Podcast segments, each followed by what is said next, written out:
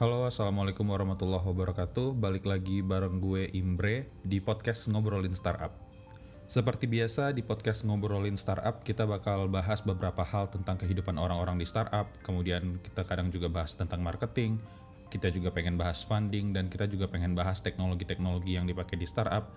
Dan untuk kali ini kita spesial bakal bahas tentang kelanjutan dari topik bahasan kita di sebelumnya kalau di podcast sebelumnya uh, di episode terakhir gue pernah gue udah bahas tentang gimana sih tips sukses untuk interview sebagai software engineer.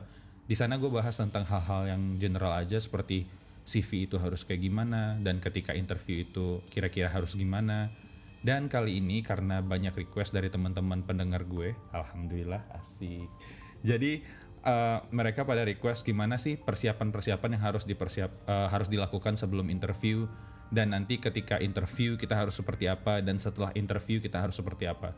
Jadi itu kira-kira topik bahasan kita malam ini. Jadi jangan ke mana-mana, dengerin terus podcast gue.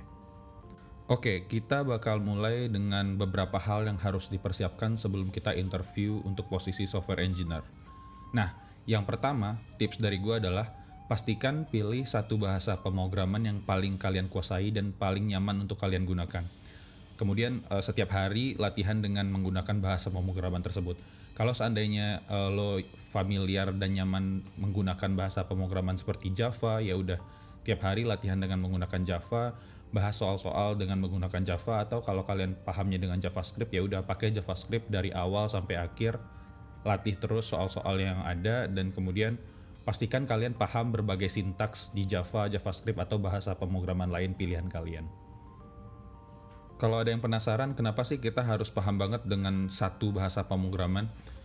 Jawabannya adalah karena nanti bakal ada dua macam interview. Jadi kalau seandainya kalian beruntung, kalian bakal punya namanya phone interview. Jadi kalian gak bakal langsung disuruh datang ke kantor, jadi mereka akan menggunakan telepon atau video conference untuk melakukan interview. Nah, biasanya di interview-interview seperti ini, kalian akan diminta untuk me, uh, membuat sebuah kode untuk menyelesaikan permasalahan. Namun masalahnya kode itu nggak akan ditulis di uh, eh, IDE seperti yang kalian pakai kayak kayak misalnya IntelliJ atau Golang atau PyCharm dan segala macam. Jadi nggak bakal ada compiler, jadi kalian nggak bakal tahu apakah codingan codingan kalian itu bisa compile atau enggak.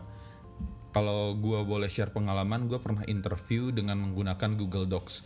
Jadi uh, eh, gue bakal ngelihat satu dokumen Google Docs yang sama dengan interviewernya, dan kemudian sambil phone interview gue bakal cerita gimana sih cara gue menyelesaikan permasalahannya dan kemudian gue harus mengimplementasikan solusi gue dengan menggunakan bahasa yang gue pilih di Google Docs.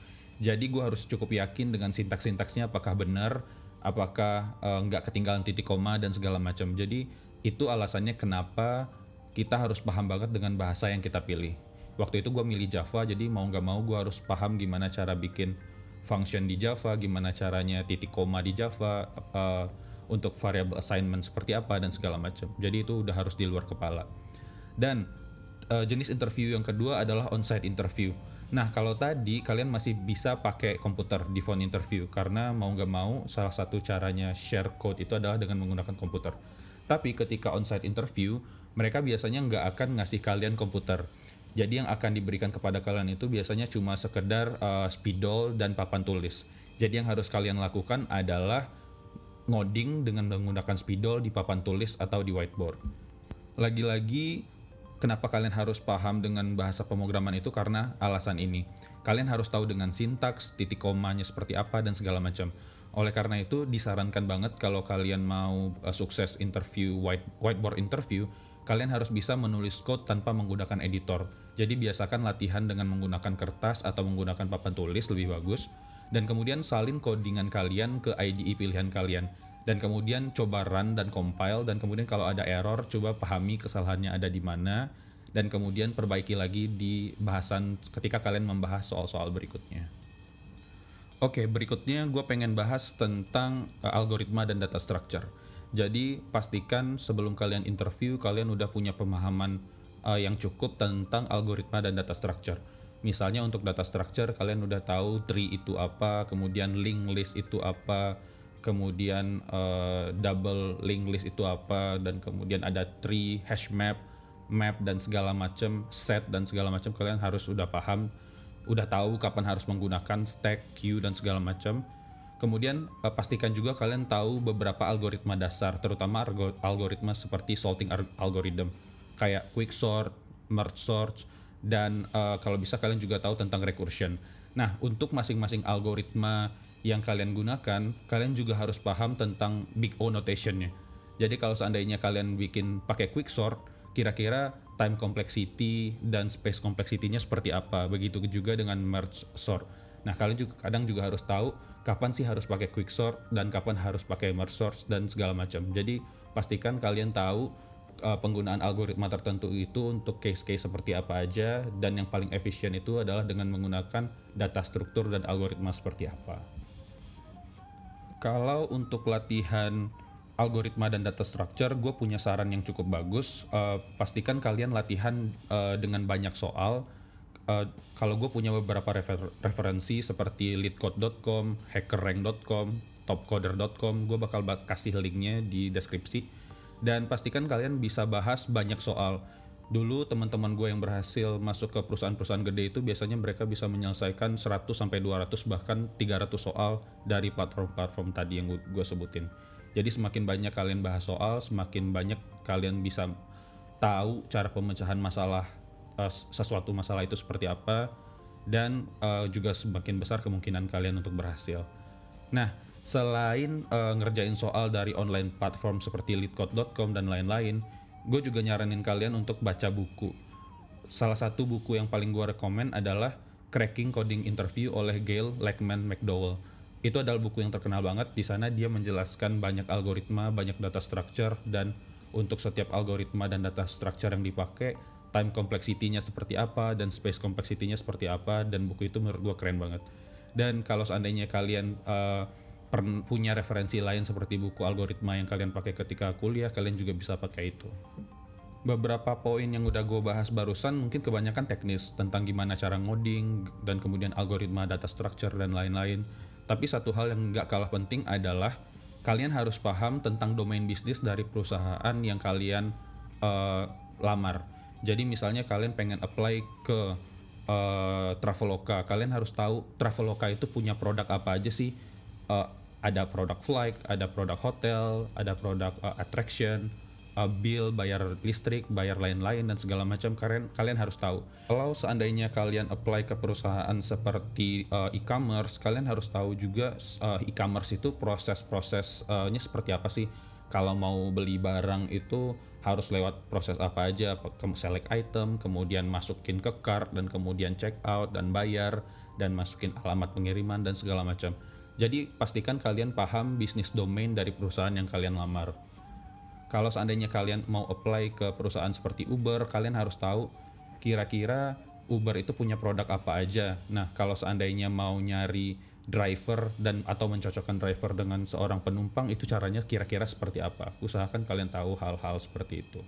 Biar nanti kalau ditanya ketika interview, e, lo tahu nggak perusahaan ini produknya apa?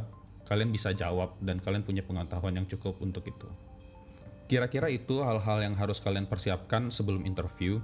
Nah, ketika interview, kalian harus ngapain sih? Ada beberapa poin yang pengen gue bahas. Yang pertama, seperti yang udah gue bahas juga atau gue sebut di episode sebelumnya, tentang kalian harus mengklarifikasi permasalahan yang diberikan oleh pewawancara.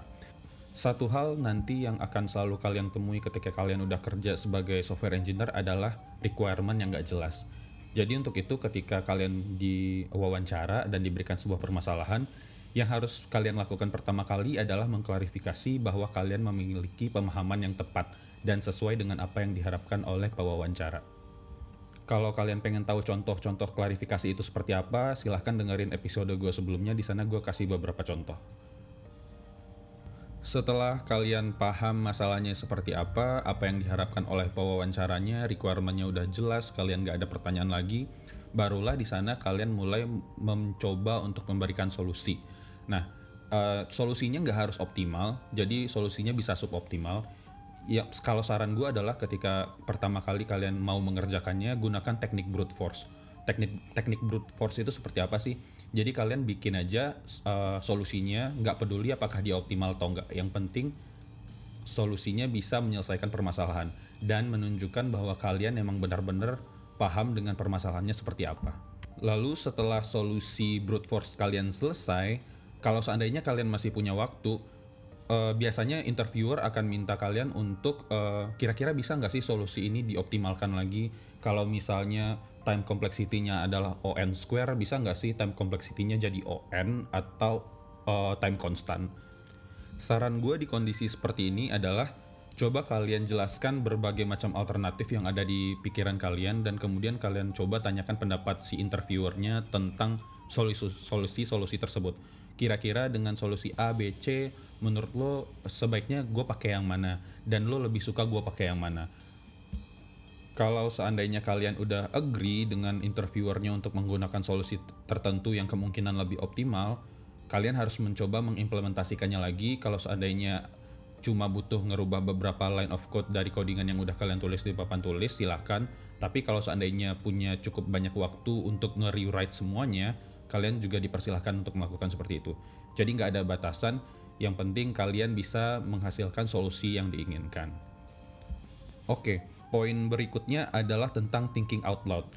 Berdasarkan observasi gue mengikuti beberapa kali interview uh, gue sebagai sebagai pewawancaranya yang gue amati adalah ketika uh, ada yang mau interview biasanya ketika diberikan permasalahan dia akan cenderung untuk berpikir sendiri berpikir dalam diam.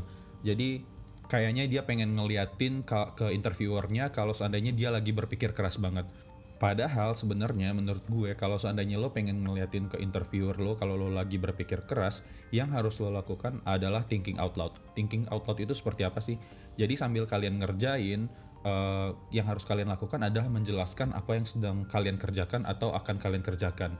Dan kenapa itu penting? Karena ketika kalian melakukan itu, si interviewernya juga nggak bosan nungguin. Jadi uh, siapa tahu di tengah-tengah uh, ketika lo lagi berpikir keras sambil menjelaskan si interviewernya juga tahu lo ke mana dan kalau lo salah dia juga bisa mengarahkan ke jalan yang lurus dan benar.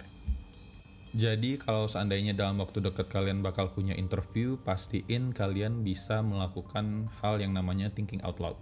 Thinking out loud itu nggak instan juga. Kalian harus latihan, latihan ketika mengerjakan soal, uh, latihan untuk mengutarakan apa yang ada di pikiran kalian. Kalau seandainya kalian buntu, kalian juga bisa uh, mengutarakan kebuntuan kalian di mana. Dan itu menurut gue bakal bermanfaat banget. Gue udah melakukan itu berkali-kali dan alhamdulillah hasilnya baik. Oke satu hal lagi yang menurut gue nggak kalah penting adalah pandangan tentang interviewer. Jadi ketika kita melakukan interview jangan sekali-sekali menganggap bahwa interviewer itu adalah orang yang harus ditakuti. Malahan sebaliknya yang harus kita lakukan adalah menjadikan si interviewer itu sebagai partner uh, berdiskusi kita. Uh, sebenarnya si interviewer itu kalau gue ngerasa sebagai interviewer ketika gue nungguin seseorang ngerjain dia diam gue juga bosen sih. Jadi akhirnya gue bete dan ujung-ujungnya gue nggak mood untuk ngedengerin solusi yang dia tawarkan. Tapi kalau seandainya dia melibatkan gue dalam diskusi dia melibatkan gue dalam setiap uh, penjelasan dia itu uh, gue merasa sebagai orang yang mungkin uh, cukup uh, dihargai kali ya. Karena jadi gue ngerasa karena dia nggak kerja sendiri. Oh berarti ketika dia melakukan itu, gue bisa beranggapan bahwa dia adalah tim player. Dia bisa uh, mengkomunikasikan pendapatnya, menjelaskan dengan baik, dan kemudian ketika gue berbicara dia juga bisa menyerap dengan baik. Jadi hal-hal seperti itu akan sangat penting. Dan kalau seandainya lu buntu, nggak ada salahnya juga kalau lo nanya ke interviewernya, kira-kira lo punya hint nggak sih? Ada clue nggak sih? Soalnya gue buntu menurut lo ketika gue pengen melakukan seperti ini uh, cara pendekatan yang lebih baik seperti apa? Hal-hal seperti itu nggak masalah karena menurut gue itu tidak akan mengurangi uh, penilaian kalian uh, uh, dari sisi pandang si interviewernya. Oke okay. uh, itu tadi kira-kira tentang apa yang harus kalian lakukan ketika interview. Lagi-lagi sebenarnya nggak terbatas di sana aja sih. Bahkan ketika interview itu semua persiapan kalian juga akan dites lagi kalian juga akan ngoding, uh, pengetahuan kalian tentang segala hal akan diuji, apakah kalian tahu uh, sistem desain, algoritma data structure dan segala macam atau mungkin konsep-konsep di software development seperti practice uh, agile dan kemudian uh, scrum, kanban dan segala macam juga mungkin juga akan ditanya. Tapi kira-kira beberapa poin yang udah gue sebutin tadi juga sangat berperan penting dalam kesuksesan interview kalian. Nah, setelah kalian selesai interview, setelah solusinya udah didapatkan dan kemudian kalian udah duduk lagi ngobrol di meja. Nah, ada beberapa hal yang mesti kalian nggak mesti juga sih, mungkin beberapa hal yang perlu kalian lakukan juga. Yang paling penting, yang pertama harus kalian lakukan adalah ketika si interviewer bertanya, kamu punya pertanyaan nggak? Yang harus kalian lakukan adalah memberikan pertanyaan-pertanyaan yang ada di benak kalian. Itu bisa tentang perusahaannya, job desk-nya nanti seperti apa, kemudian timnya seperti apa, lagi ngerjain project apa, dan segala macam. Selama hal-hal yang kalian tanya itu tidak menyangkut confidential perusahaan atau rahasia perusahaan, gue percaya si interviewernya bakal mau ngejelasin. Yang kedua, setelah kalian uh, bertanya tentang uh, perusahaannya seperti apa dan lain-lain, tanyakan feedback si interviewernya terhadap kalian selama interview. Jadi biasanya si interviewer itu punya poin positif dan poin negatif dari interview yang dia jalani. Jadi pastikan lu nanya semuanya, lu nanya nanya poin positifnya apa, uh, dan lu juga nanya uh, poin negatifnya apa. Kenapa sih lo butuh nanya poin positif? Karena supaya lo tahu kekuatan lo itu ada di mana. Dan kalau lo na kenapa lo harus nanya poin negatif supaya lo tahu nanti di interview berikutnya kalau seandainya lo nggak lulus lo bisa memperbaiki di bagian yang mana. Uh, gue udah mengalami lebih dari 15 interview untuk internship dan di semua interview itu gue menanyakan feedback dari interviewernya. Walaupun gue gagal tapi gue belajar banyak dari uh, feedback-feedback yang dikasih sama interviewer. Akibatnya bukan akibatnya sih hasilnya di interview gue berikutnya gue bisa lebih uh, pede dengan kekurangan gue yang udah gue perbaiki. Jadi kira-kira itu aja yang perlu kalian tanyain setelah interview gue selalu berharap bahwa apa pun yang gue share di sini bisa bermanfaat untuk kalian Uh, mungkin kalian bisa menggunakan beberapa strategi yang gue bahas uh, di, untuk di interview kalian sebagai software engineer. Kalau seandainya kalian punya pertanyaan, silahkan ajukan di Twitter gue. Uh, langsung mention aja at Imre Nagi. Kalau seandainya nanti setelah kalian dengar ini, terus kalian ikut interview, kalian berhasil, silahkan juga kasih tahu gue di Twitter. Dan uh, kalau menurut gue itu aja sih. Sekali lagi harapan gue adalah kalian bisa berhasil, uh, konten yang gue share kali ini bisa bermanfaat dan membantu persiapan interview kalian. Uh, lat- banyak-banyak latihan, jangan gugup dan gak usah khawatir dengan hasil. Yang penting kalian uh, sudah mempersiapkan diri dengan baik dan kemudian kalian bisa melakukan interview dengan baik. Oke, dari gue itu aja. Uh, sekali lagi makasih yang udah dengerin sampai akhir. Kalau seandainya kalian punya uh, komentar dan saran, silahkan kasih tahu gue lewat Twitter. Dan kemudian kalau seandainya kalian punya masukan kira-kira habis ini pengen bahas topik apa, silahkan kasih tahu uh, kasih tahu gue juga. Gue sebenarnya udah punya dua topik yang akan gue bahas di podcast gue berikutnya. Dua-duanya bakal uh, kurang lebih interview. Satu interview dengan founder startup uh, yang lagi berkembang dan kemudian yang satu lagi gue bakal interview salah satu mobile engineer untuk ngebahas tentang uh, continuous integration dan continuous delivery untuk pengembangan aplikasi mobile. Kalau seandainya kalian punya pertanyaan tentang itu silahkan kasih tahu gue juga. Kebetulan gue baru bikin konten YouTube, uh, gue baru buka channel di eh, YouTube tentang programming dan software engineering practice. Jadi di sana gue bakal upload semua video rekaman tech talk yang pernah gue lakukan ataupun tech talk yang gue organize seperti Docker dan Microservice Jakarta dan gue di sana juga bikin beberapa tutorial bahasa pemrograman. Kalau seandainya kalian pengen tahu silahkan cek uh, channel YouTube gue di Imbre Nagi. Uh, biasa aja nanti jangan lupa subscribe karena gue akan uh, punya konten-konten menarik ke depannya yang bakal gue lakuin bareng teman-teman developer yang lain. Jadi jangan lupa subscribe. Dari gue itu aja, terima kasih udah dengerin. Uh, wabillahi taufiq wal hidayah. Assalamualaikum warahmatullahi wabarakatuh.